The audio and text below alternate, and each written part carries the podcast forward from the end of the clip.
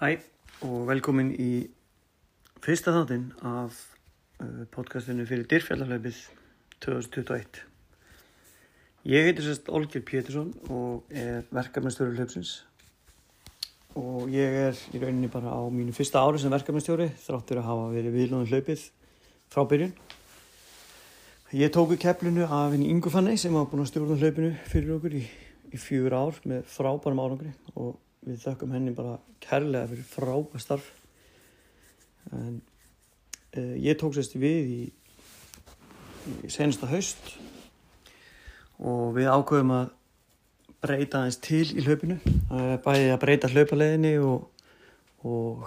bæta við annar í 12 km leið. Og í þessum kannski fyrsta þetta ég langaði mig bara aðeins að fara yfir hlaupaleginar okkar. Og við raunin af hverju við breytum um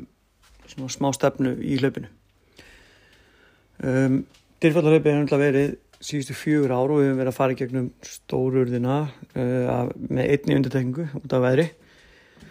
Og þetta er náttúrulega stórbrotin hlaupaleið, stórurðin og hún er svo sem ekki komin í einhverja geimslu hjá okkur en hún var rosalega kræfandi og ég hljópi þetta sjálfur uh, tvísvar og það er kannski sérstaklega það að komast upp úr stórurni og, og fara í urðaldalsvarpi sem er undir dyrfjöllunum sjálfum sem voru rosalega kræfjandi brekkur og með mikill hækkun á stuttum stuttri vegalengt sem gerir það kannski að verkum að fólk var já, bara frekar þreytt eftir þetta hlaup og var kannski eitthvað sem við ákveðum að endur skoða og ákveðum að færa ykkur og víknarslóðinir á mjög svip að slóðir að við vorum á þegar við færðum hlaupið uh, 2020 já, ef ég maður rétt. Sem var bara í fyrra hitti fyrra, fyrir ekki að ég var hitti fyrra 2019 uh, og erum að fara mjög svipað slóðir í rauninni og við gerum það. Uh, þetta er byrjum innst inn í borgarfyrðinum það er að segja 24 km lengir lengir legin hún byrjar innst inn í fyrði á þver álbrunni þá fyrir við raunin aðeins lengra en við vorum að gera með hérna, stóru leðina byrjum þar og rauninni förum upp í gegnum urðarhólana og í kringum vatn sem heitir urðarhólsvatn. Svo er hlaupið inn í inn í rauninni breyðvíkina og þar er svo farið yfir e, fyrsta svona fjallarhyggin og sagt, það heitir uh, nú leiðir þetta hafðu mig við mann þetta ekki alveg en þetta heitir held ég kjóðalsvarpið sem er farið yfir. Og þar er komið niður í, í Brúnavíkina.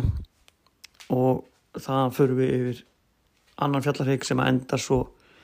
við smábótahöfnuna inn í Þorpi eða hérna við borgarfyrir Eistri komum niður í borgarfyrin þar og þar endur við á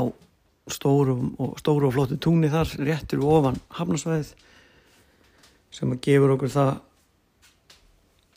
gefur okkur mikið og gott plást til að klára í og þar er bæði kaffihús og, og hérna, aðstæða bæði með klósetti og, og sturtu sem hættur að fara í. Um, en, en það er bara einn sturta þannig að kannski ekki mikið mikið rýminn til að fara þánga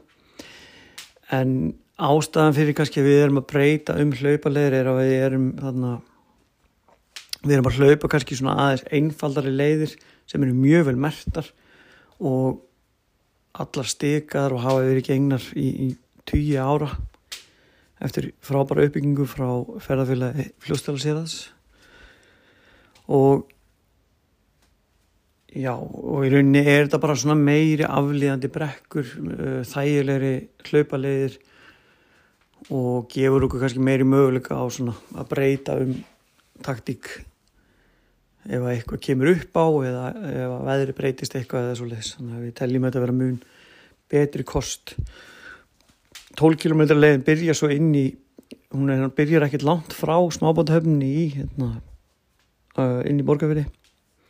þar sem að það er keirt sömu leið og keirir frá þorpinu og yfir í höfnina. En á miðri leið þá keirir við fram í stórum sandi sem við kallar hóstalandarsandur og þar er leið uh, semstu vextlóði sem að liggur þaðan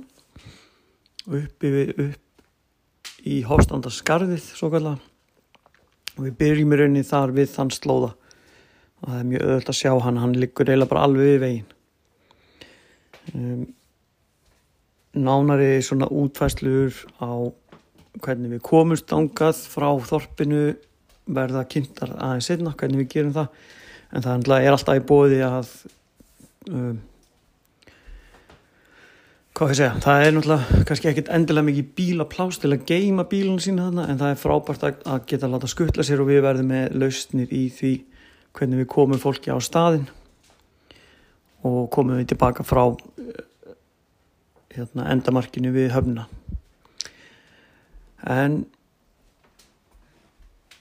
já þetta er svo sem bara stóra ástæðan fyrir að við erum að breytum hlaupaleið er bara að auðga aðgengi þess hins almenna hlaupar. Að ég held að í rauninni stóru leiðin verður kannski geimt setna fyrir þessar sterkustu hlaupara sem að vilja sterkari áskoranir. Um, við tókum allavega þessa ákvörðun með það í huga að svona leifa kannski bara fleiri hlauparum að spreita sig í dyrfjallarhlaupinu sjálfu. Og svo er kannski að skemmtilega við að við þess að breyt, hérna, breytar breytingar að, að þá er rauninni er við að með frábært útsýni yfir dyrfjallin sem að vaka svona daldur vel yfir okkur þannig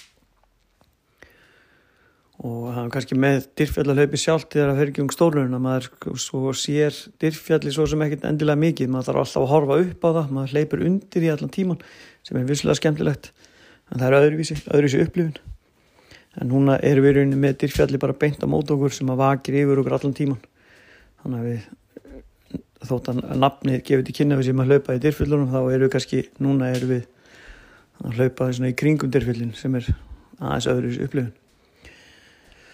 En það er margt sem við þurfum að, svona, að hugsa um og spekular og spá í sem við erum búin að gera og, og mikið við nefndin í kringum dyrfjallalöfið. Um, við kannski erum doldið meðvitið um það að þetta er lítið þorp sem við búum við og kannski aðal atrið þannig að það er engin hitaveit á stanum. Þannig að styrtumál og styrtu aðgengi er að freka skortnum skamti en auðvitað er það þannig að það eru gisti heimili á staðnum og ég veit að margir hlaupar er alltaf að nýta sér þau og gista á gisti heimilum og auðvitað er aðgengi að sturtum þar. Það er engin sundleg á staðnum. Gefandi það að það er engin hitaveita á staðnum það væri dýft að hita upp sundlu með ramagni það er engin hitaveita en það eru hita kúldáruð um allt. Og það eru almenna sturtur á tjálsvæðinu fyrir þá sem er á tjálsvæðinu og fyrir þá líka sem er að hlaupa og það er styrtur hafa sendt sínu hlutur ekki ótrúlega vel. Það eru uh, já það eru sko tímastýra þannig að það er ekkit það er lítið í bóði að vera lengi í styrtið þar en, og en, þetta stýrist allt svona af sjálfu sér. Um, já þannig að styrtumálun eru svona kannski okkar svona helsta áhyggju efni í rauninni um að það komist ekki kannski allir í styrtu á sama tíma. Þannig að þetta kannski dreifist meira svona yfir daginn og það er kannski bara allt í góðu. Það er umhlað styrtur í mörgum heimaúsum og ef þið þekkið einhverja í bænum eða ef þið þekkið einhvern sem þekkir einhvern sem er í bænum eða er með hús í bænum þá er um að gera kannski að að nýta sér það að fá að stökka einn í styrtu og ég get ekki ímynda mér annað en að flestir bæjabúar séu vel tilbúinir að lefa ykkur að stökku styrtu ef þið byrðið fallega. Eða endilega bara hendi ykkur í sjóin það er reitn og fít sjórin heima á borgarferi fínt að taka smá sundsbrett til að kæla sér niður og, og auka ríkofrið en þetta eru svona bara mínar fyrstu hugleðingar uh, varðandi hlaupið og ég vona að þetta hlaðvarp hjálpi okkur aðeins bara við að miðla upplýsingum og, og bara svona hugsa upp átt með ykkur. Ef þið hafið einhverja spurningar eða ef þið hafið einhverja pælingar sem ég langar að deila með okkur þá náttúrulega er þetta nálgast okkur á öllum samfélagsmiðlum, Facebook og Instagram. Eða þið getur sendt á mig post á olgirp.gmail um, já, bara takk fyrir að hlusta á þennan fyrsta þátt. Við erum bara svona að prófa okkur áfram með þetta og ef þið hafið einhverjar ábyrningar um hvað þið viljið hlusta á í kringu hlaupið þá bara sendið okkur á það og við reynum að verða við því. Annars bara styttist í það að það verði uppselt. Ég held að í dag eru 6 miðar eftir í, í 24 km hlaupið. Og um, það eru cirka 60 miðar nei 70 miðar fyrir ekki að eftir í hérna, 12 km hlaupið. Þannig að það fer að styttast hratt í að það verði uppselt. Þannig að ef þið þekkið einhvern sem á eftir að köpa sér miða en viti alltaf að koma þá bara endilega pikið því og látið hann vita en annars bara takk fyrir að hlusta í dag og við lökum til að sjá okkur heima á Borgarfyrir 10. júli